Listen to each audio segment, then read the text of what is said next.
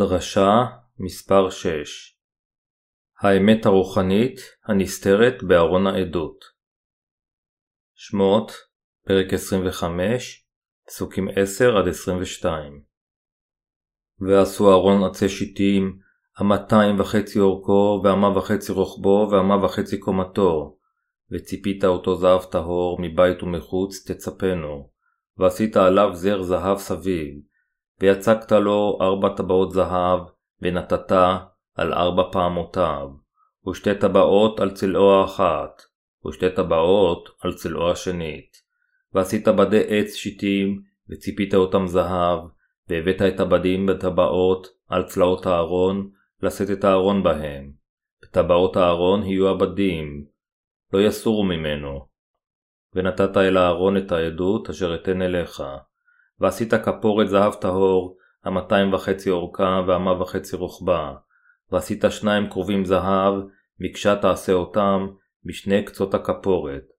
ועשה כרוב אחד מקצה מזה, וכרוב אחד מקצה מזה. מן הכפורת תעשו את הכרובים על שתי קצותיו. והיו הכרובים פורסי כנפיים למעלה, שוחחים בכנפיהם על הכפורת, ופניהם איש אל אחיו, אל הכפורת יהיו פני הכרובים. ונתת את הכפורת על הארון מלמעלה, ואל הארון תיתן את העדות, אשר אתן אליך. ונועדתי לך שם, ודיברתי איתך מעל הכפורת, מבין שני הכרובים, אשר על ארון העדות, את כל אשר אצווה אותך, אל בני ישראל. הנושא של היום הוא ארון העדות. מידת ארון העדות הייתה 113 סנטימטר אורך, 68 סנטימטר רוחב ו-68 סנטימטר גובה. הוא היה עשוי מעצי שיטה ומצופה בזהב טהור.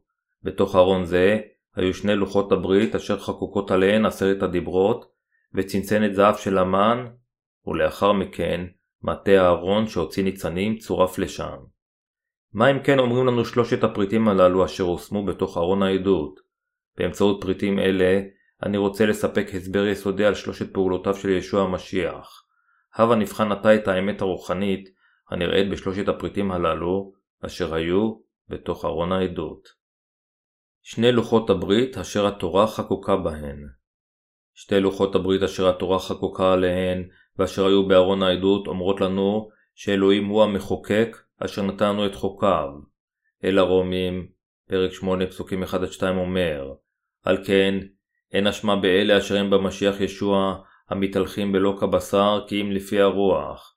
כי תורת רוח החיים במשיח ישוע שחררה אותי מתורת החטא והמוות.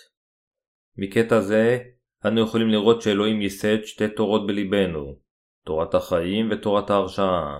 עם שתי תורות אלה, אלוהים מביא הרשעה וישועה לכל בני האדם.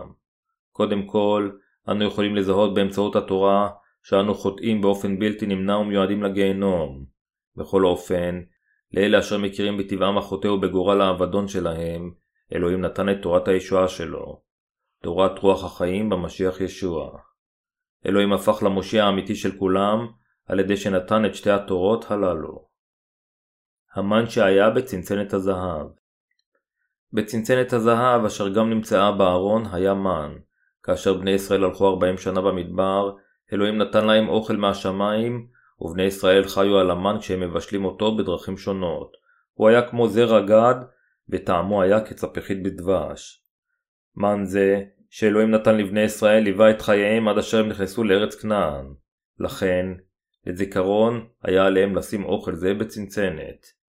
זה אומר לנו שאנו, המאמינים של היום, גם צריכים לאכול את לחם החיים, ושילדי האלוהים חייבים להיות ניזונים ממנו כל עוד הם בעולם הזה, עד שייכנסו לגן עדן.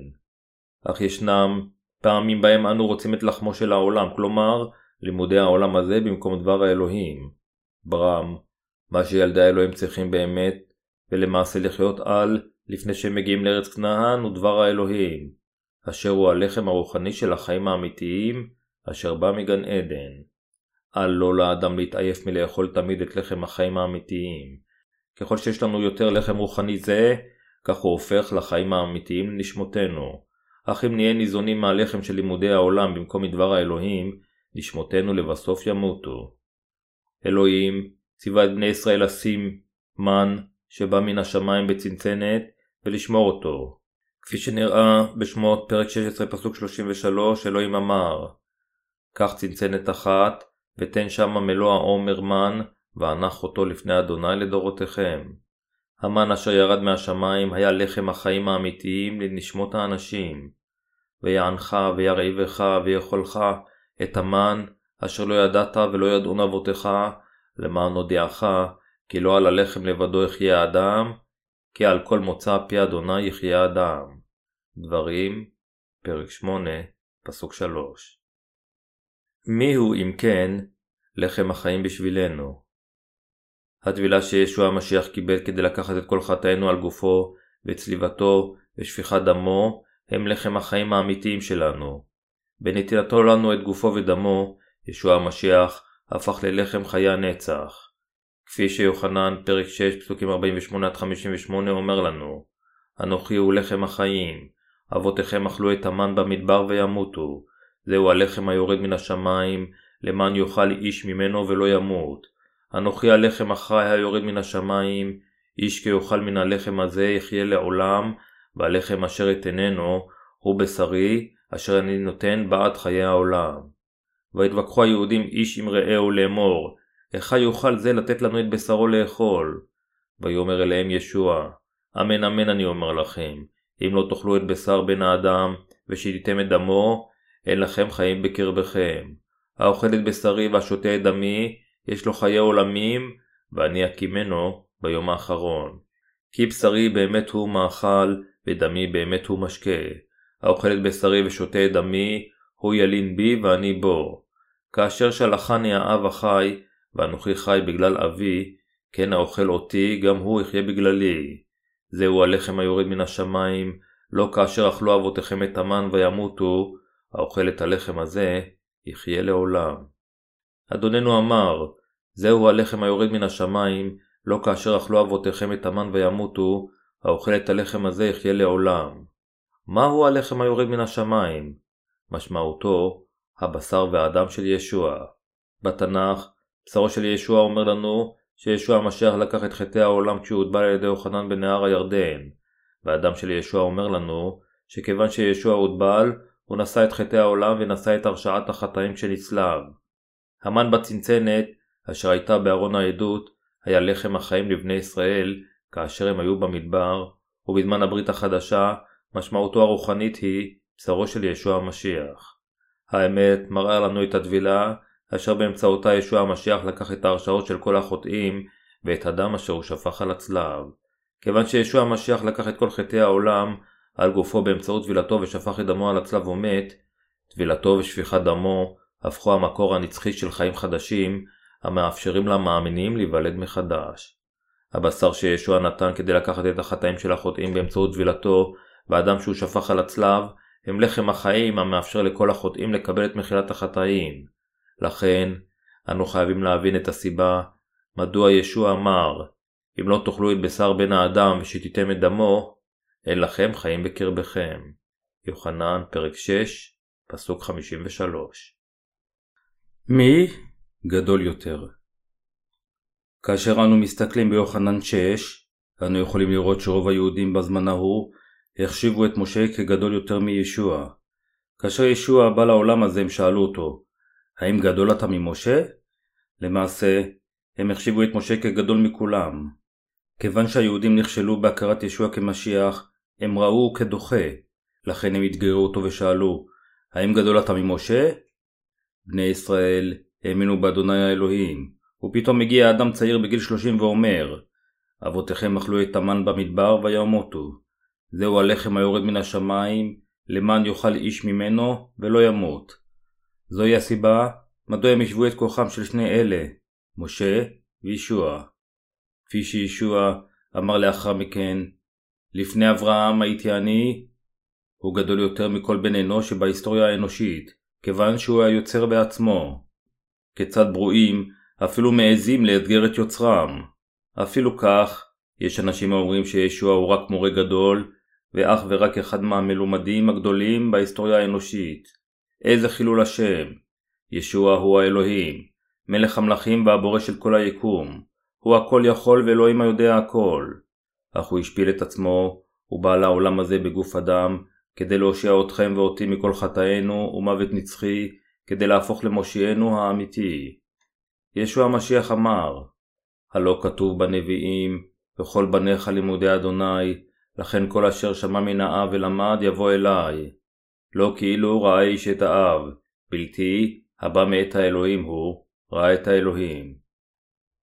ישוע בסופו של דבר אמר שהוא המשיח שהיהודים חיכו לו, אך הם נכשלו בהבנת הדברים שישוע אמר, וגם לא היו מסוגלים להאמין ולא לקבל זאת, וזה גרם לתוצאה של חוסר הבנה חמורה, כפי שהם תהו.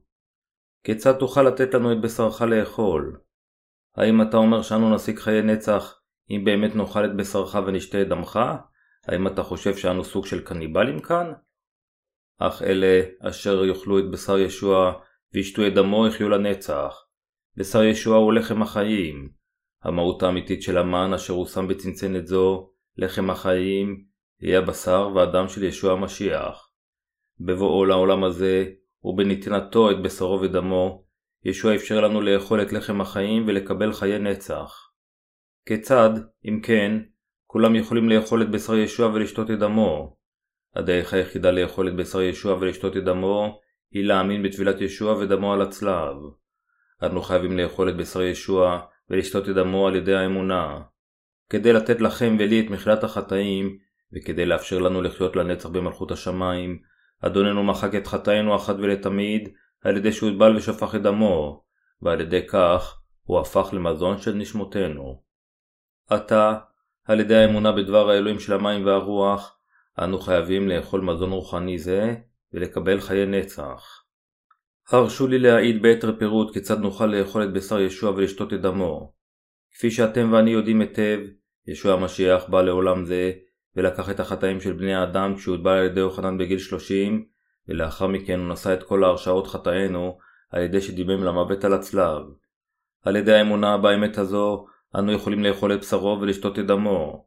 שטיפת החטאים התבצעה כאשר חטאי בני האדם הועברו על גופו של ישוע באמצעות הטבילה אשר הוא קיבל. המשמעות של שתיית דמו היא שכפי שישוע הוטבל ושפך את דמו על הצלב, הדם שהוא שפך נשא את הרשעות חטאינו. לפיכך, אלה המאמינים בדם ישוע בליבם, מרבים מצמאונם כיוון שההרשעות של כל חטאיהם הגיעו לקיצם לגמרי עם העונש על הצלב שישוע נשא. אנו חייבים להבין אמת זו, ואנו חייבים להאמין בה. כיוון שישוע המשיח בא אל העולם הזה וקיבל את חטאינו כשהוטבל על ידי יוחנן, על ידי האמונה באמת הזו, אנו התנקנו מכל חטאינו אחת ולתמיד. אלוהים אמר לנו לאכול את בשר ישוע ולשתות את דמו על ידי האמונה. מכיוון שישוע לקח את כל החטאים באמצעות הטבילה אשר הוא קיבל מיוחנן, ולקח את החטאים של כולם, ומכיוון שהוא נתן את גופו לעונש על הצלב ושפך את דמו היקר, ליבם של אלה המאמינים נקי ורווי, כיוון שהם שטפו את כל חטאיהם, ונשאו את כל ההרשאות על חטאיהם על ידי האמונה. זוהי הסיבה מדוע ישוע אמר, כי בשרי באמת הוא מאכל, ודמי באמת הוא משקה. יוחנן, פרק 6, פסוק 55.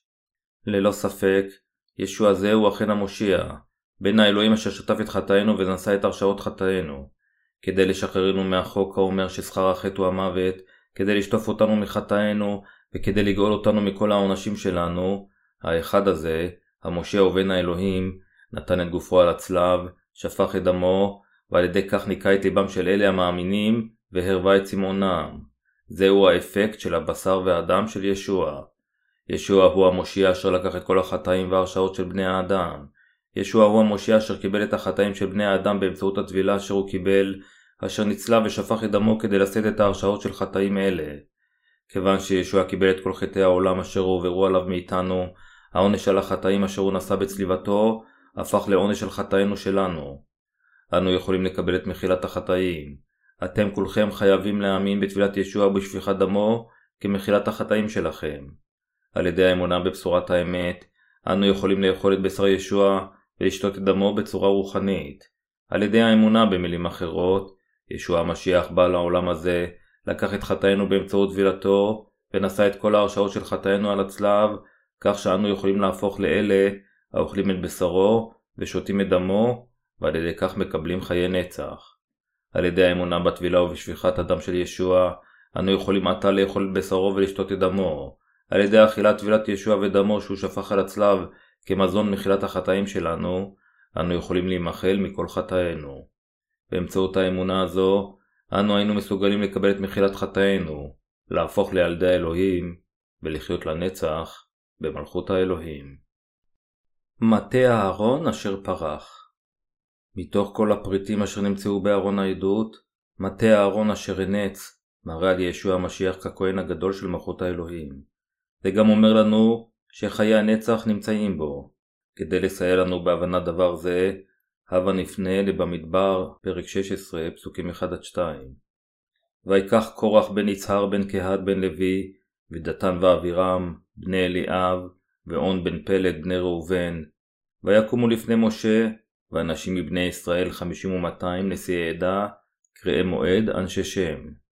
הקטע אומר לנו שמתוך הלוויים 250 מנהיגים ידועים של הקהל התאספו יחדיו וקמו נגד משה ואמרו מה עשיתם לנו משה ואהרון על ידי שהובלתם אותנו מחוץ לארץ מצרים? האם נתתם לנו כרמים? האם הובלתם אותנו לנווה מדבר? מה עשיתם לנו? האם הבאתם אותנו למדבר רק כדי שנמות לבסוף בכל המדבר? כיצד אתם יכולים לקרוא לעצמכם משרתי אלוהים? האם אלוהים פועל רק באמצעותכם? הם עוררו במילים אחרות מרד נגד מנהיגות משה ואהרון. בזמן ההוא, אלוהים אמר לקורח, דתן, און ומנהיגים אחרים של הקהל אשר הנהיגו את המרד. קח מטה לבית אב, ורשום איש את שמו על מטהו. שים את המטות באוהל מועד למשך הלילה, ובדוק אותם ביום למחרת.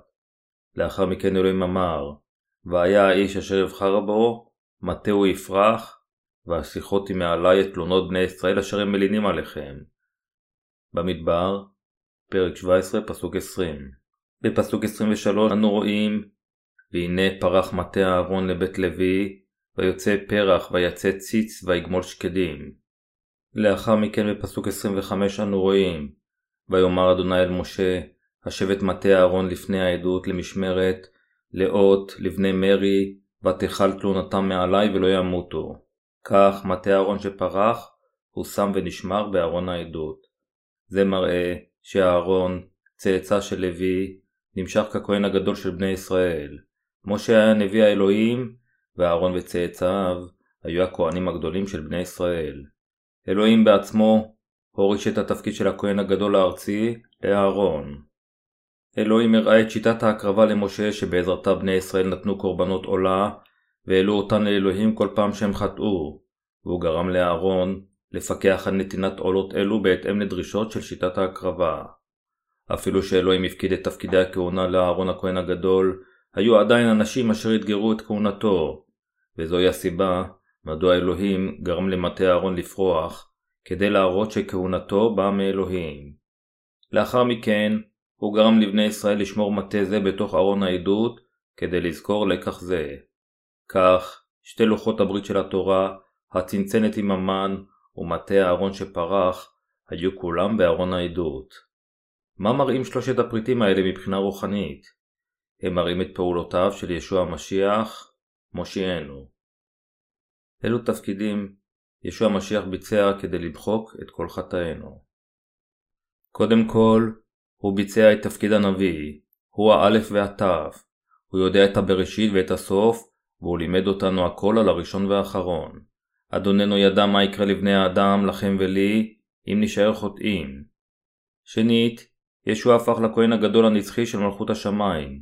הוא בא לעולם הזה כיוון שהוא רצה להושיע אותנו מהחטאים על ידי שהוא בעצמו יהפוך למושיענו, להושיע אותנו לחלוטין על ידי שיהפוך לכהן הגדול האמיתי שלנו של מלכות השמיים. שלישית, ישוע המשיח הוא מלכנו.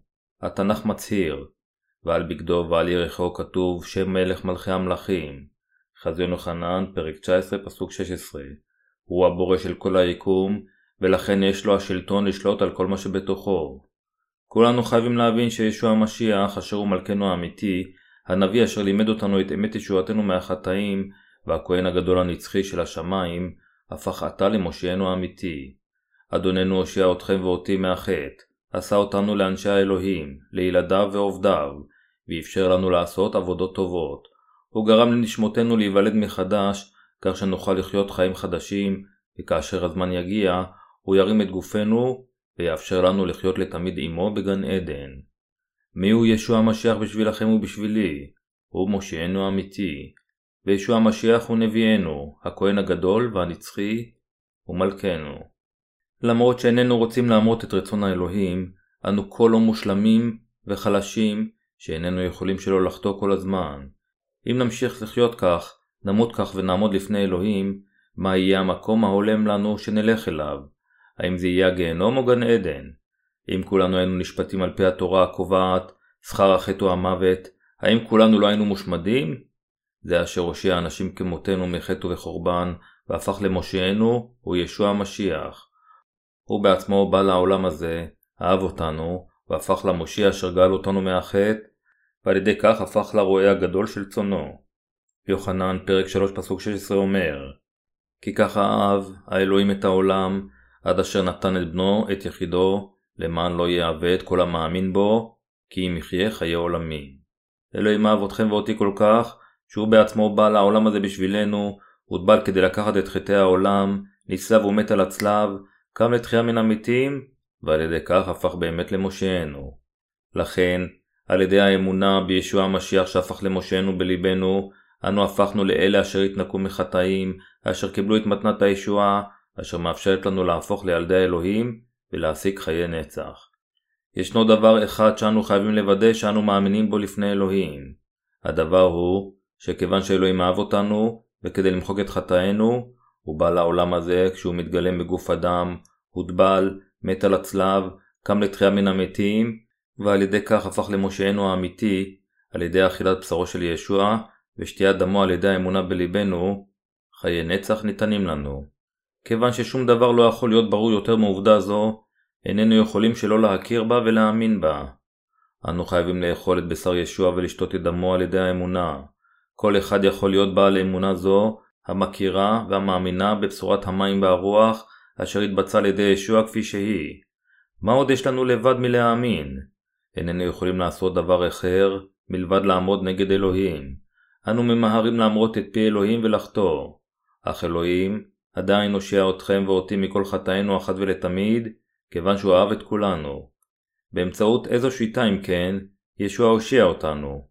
בברית הישנה, הוא סיפר על ישועתו באמצעות הצבעים של התכלת, הארגמן, חוט השני וחוטי הפשתן השזורים, הנראים בשער המשכן, אשר הם מראים לנו את ישועתו המושלמת, ועל מלבושי הכהן הגדול, נוסף חוט זהב. חוט התכלת אומר לנו שישוע המשיח בא לעולם הזה כמושיענו, ולקח את החטאים כשהוטבל. חוט הארגמן אומר לנו שישוע המשיח הוא מלך המלכים ואלוהים הבורא, אשר ברא את כל היקום. חוט השני אומר לנו שמכיוון שישוע המשיח לקח את כל החטאים באמצעות טבילתו, הוא נשא את חטאי העולם והורשע בגללם על הצלב, כשהוא שופך את דמו הוא מת, ועל ידי כך נתן לנו את הישועה, אשר גאלה אותנו מההרשעות על כל חטאינו. משמעות חוטי הפשתן השזורים היא דבר האלוהים המתוכנן של הברית הישנה והחדשה, אשר אומר לנו שאדוננו בא לעולם הזה, הוטבל, מת על הצלב, קם לתחייה מן המתים, ועל ידי כך מחק את החטאים של אלה אשר מאמינים באמת, ניקה את נשמותיהם לבנות כשלג, והושיע אותם. חוט הזהב מרמז על האמונה המאמינה במה שישוע המשיח עשה למעננו. זוהי הסיבה מדוע חוט הזהב זוהר. לכם ולי אין שום דבר להתגאות בו, מלבד כאשר אנו מאמינים בלב שלם במה שישוע המשיח, אלוהים בעצמו, עשה בשבילנו. אנו יכולים בקלות להתכסות באהבת האלוהים, לקבל את ברכתו, ולהיות נאהבים על ידו, רק כאשר יש לנו אמונה במעשה הצדק אשר הוא עשה. זה מה שאלוהים אומר לנו באמצעות המשכן. אנו חייבים להבין מה אומר לנו אלוהים באמצעות ארון העדות אשר היה בתוך המשכן. אנו חייבים לדעת ולהאמין שישוע המשיח בא לעולם הזה, לקח את חטאי בני האדם ואת חטאינו שלנו כשהוטבל על ידי יוחנן המטביל, נשא את הרשעות חטאינו כשמת על הצלב, וקם לתחייה מן המתים כדי לחיות שוב. באמצעות ארון העדות, אלוהים מראה שאנו חייבים באמת להאמין בישוע המשיח כמושיענו, כאלוהינו. אלה המאמינים בטבילת ישוע כטבילה אשר לקחה את כל חטאיהם, בשפיכת דמו של ישוע על הצלב כהרשעה על חטאיהם, במוות של ישוע המשיח כמוות שלהם, בתחייתו כתחייתם, הם אלה אשר אלוהים הושיע. אם כן, על מי מצביע משכן זה? הוא מצביע על ישוע המשיח. הוא מספר לנו על שיטת הישועה, אשר באמצעותה ישוע המשיח הושיע אתכם ואותי מחטאינו. בברית החדשה, זה היה ישוע המשיח, אשר הוטבל ומת על הצלב, ועל ידי כך מחק את כל חטאינו, שטף אותם, הורשע על כל עבירותינו, והושיע אותנו מכל חטאינו אחת ולתמיד. בברית הישנה, זה היה קורבן העולה אשר הושיע את החוטאים, שקיבל את כל חטאיהם כאשר ידיהם הושמו על ראשו, ועל ידי ששפך את דמו ומת. הברית הישנה מתארת את מותו של קורבן העולה אשר לקח את החטאים של חוטאים אלה באמצעות צמיחת הידיים, ומת במקומם, כמוות של כפרה. שיטת ההקרבה של הכפרה נראית בברית הישנה, כאשר בברית החדשה היא נראית בישוע המשיח, ביצוע בשורת המים והרוח, אשר באה מהטבילה והדם. מי אם כן עשה וקבע את חוק הישועה הזה? אלוהים מושיענו קבע אותו. אלוהים יסד את חוק הגאולה הגואל את החוטאים מהחטא, והוא נתן לנו חוק זה. בארון העדות היו שתי הלוחות של התורה, צנצנת המן ומטה הארון הפורח, וכל הדברים הללו אומרים לנו על תכונותיו ותפקידיו של ישוע המשיח. מטה הארון הפורח אומר לנו שאלוהים מושיע אותנו כאשר אנו מאמינים בישוע המשיח, אשר מבחינה רוחנית הפך לכהן הגדול של מלכות השמיים והרועה הגדול שלנו.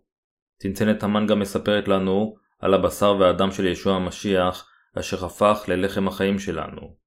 שתי לוחות הברית של התורה גם מספרות לנו שאלוהים הוא מחוקק התורה. החוקים אשר נוסדו על ידי אלוהים הם חוק החטא והמוות וחוק מחילת החטאים והישועה.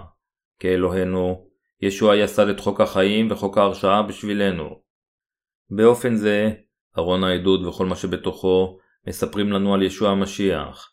על ידי האמונה בישוע המשיח כמושיענו, אנו יכולים להיטהר מכל חטאינו ולקבל את ישועתנו. לא משנה עד כמה בלתי מושלמים וחלשים נהיה, אם נקבל ונמלא את שני החוקים אשר ישוע המשיח יסד, אנו יכולים להיות פעם אחת חוטאים ופעם אחת צדיקים, על ידי קבלת מחילת כל חטאינו פעם נוספת, ועל ידי כך להפוך לאנשי האלוהים. האם אתם מאמינים? עתה בזמן זה, כמעט כל הנוצרים ברחבי העולם נוטים להאמין בישוע לחינם, כיוון שהם אינם מכירים את האמת הנראית במשכן. הם מאמינים שהם יכולים לקבל את מחילת החטאים פשוט על ידי האמונה בדם ישוע על הצלב בלבד. הם מאמינים במילים אחרות, שישוע הושיע אותם רק עם הדם על הצלב. אך האם ישוע למעשה רק מת על הצלב למען ישועתנו? האם זה כל מה שהוא עשה למען גאולתנו? האם הוא לא, בניגוד לכך, לקח את כל חטאי העולם אחת ולתמיד כשהוטבל בידי יוחנן? מתי פרק 3 פסוקים 13-15, הראשונה לפטרוס פרק 3 פסוק 21, הראשונה ליוחנן פרק 5 פסוק 6. אך הנוצרים של היום, המאמינים רק בדם של ישוע על הצלב בלבד, מקבלים מחילת חטאים לא מושלמת, או מאמינים שהם נמחלו מחטאם הקדמון על ידי האמונה בישוע המשיח כמושיעם, ונותנים את תפילות התשובה שלהם כל יום בניסיון לשטוף את חטאי היומיום שלהם. כמה סותרת היא ישועה זו? זה כמו לשטוף מחצית מחטאיהם על ידי האמונה, ולאחר מכן לנסות לשטוף את השאר באמצעות מאמציהם. כאשר זהו המקרה, כיצד אני יכול שלא להשמיע שוב ושוב ביחד את טבילת ישוע ודמו? עד עתה, נוצרים רבים בעולם זה, מלבד הנוצרים של תקופת הכנסייה הקדומה, האמינו בחצי ישועה ריקה. האם זוהי לא הסיבה מדוע אנשים מאמינים כיום בנצרות כאחת מיני דתות בעולם? לא לפני זמן רב, אישה בשם ולריה ג'ונס מארצות הברית קיבלה את מחילת החטאים לאחר שקראה את הכרך הראשון מסדרת המשכן הזו. לפני שהיא קראה ספר זה, היא קראה מספר ספרים אחרים שהוצאנו לאור. למרות שהיא הסכימה עם מה שספרינו אמרו, היא לא יכלה להשתכנע לגמרי בבשורת המים והרוח. היא אמרה לנו שיש לה עדיין מספר ספקות, ותהתה, זה נראה נכון, אם כן, כיצד אנשים כה רבים לא מלמדים זאת? אך התוודתה שכאשר היא סיימה לקרוא את הכרך הראשון של סדרת המשכן, היא התחילה להאמין בבירור בישועה, והאמינה שבשורת המים והרוח היא נכונה, ושזוהי האמת הנראית במשכן. קורא אחר של אותו ספר גם כתב לנו אתם תופתעו מאוד לדעת שלאחר שקיבלתי את מחילת החטאים על ידי קריאת ספר זה, עזבתי עתה את כנסייתי. מדוע עזבתי את הכנסייה בה ביקרתי? כיוון שהיא מלמדת את דוקטרינת ההתקדשות ההדרגתית, אשר היא לא נלמדת בתנ"ך. דוקטרינה זו של התקדשות הדרגתית היא לחלוטין לא מקראית. כיוון שהם ממשיכים ללמד שאני חייב ויכול להתקדש כאשר למעשה בשרי לעולם לא יכול להתקדש, זה היה בלתי נסבל מבחינתי לשבת ולשמוע דרשות שכאלה. זוהי הסיבה מדוע יצאתי מכנסייה זו ונפרדתי ממנה. כיוון שקיבלתי את מחילת חטאי על ידי קריאת ספר זה, לא הייתה לי ברירה אלא לעזוב את הכנסייה אשר בה ביקרתי ולהיפרד ממנה עכשיו. כיוון שאנו אשר התנסינו בכל הדברים הללו הפכנו לאנשי אמונה והתאחדנו עם כנסיית האלוהים, כל אנשי העולם הזה יכולים גם להשתנות אם רק יאמינו באמת, כפי שהכתוב אומר, וידעתם את האמת, והאמת תשימכם לבני חורין. ארון העדות של המשכן גם מראה על ישוע המשיח. ארון העדות הזה נמצא בעמקי המשכן. האדם יכול היה לראות אותו רק על ידי שהרים את מסך המשכן ונכנס אליו, ולאחר מכן ירים את הפרוכת של קודש הקודשים וייכנס אליו. במילים אחרות, שער המשכן נמצא במזרח, והארון נמצא במערב, בסוף המשכן. המוטות לא יסורו מהארון. שמות 25 פרק 14-15 אומר והבאת את הבדים בטבעות על צלעות הארון לשאת את הארון בהם. בטבעות הארון יהיו הבדים, לא יסורו ממנו. מה המשמעות של פסוק זה? עם פסוק זה, אלוהים אומר לנו שעלינו לשרת את בשורת המים והרוח כשאנו מקדישים את עצמנו אליו. הבשורה מתפשטת רק כאשר אנו מוסרים את עצמנו לעבודתו. לשרת את אלוהים על ידי התמסרותנו לבשורה זה ללכת בדרך הצלב אשר אדוננו הלך בה לפנינו.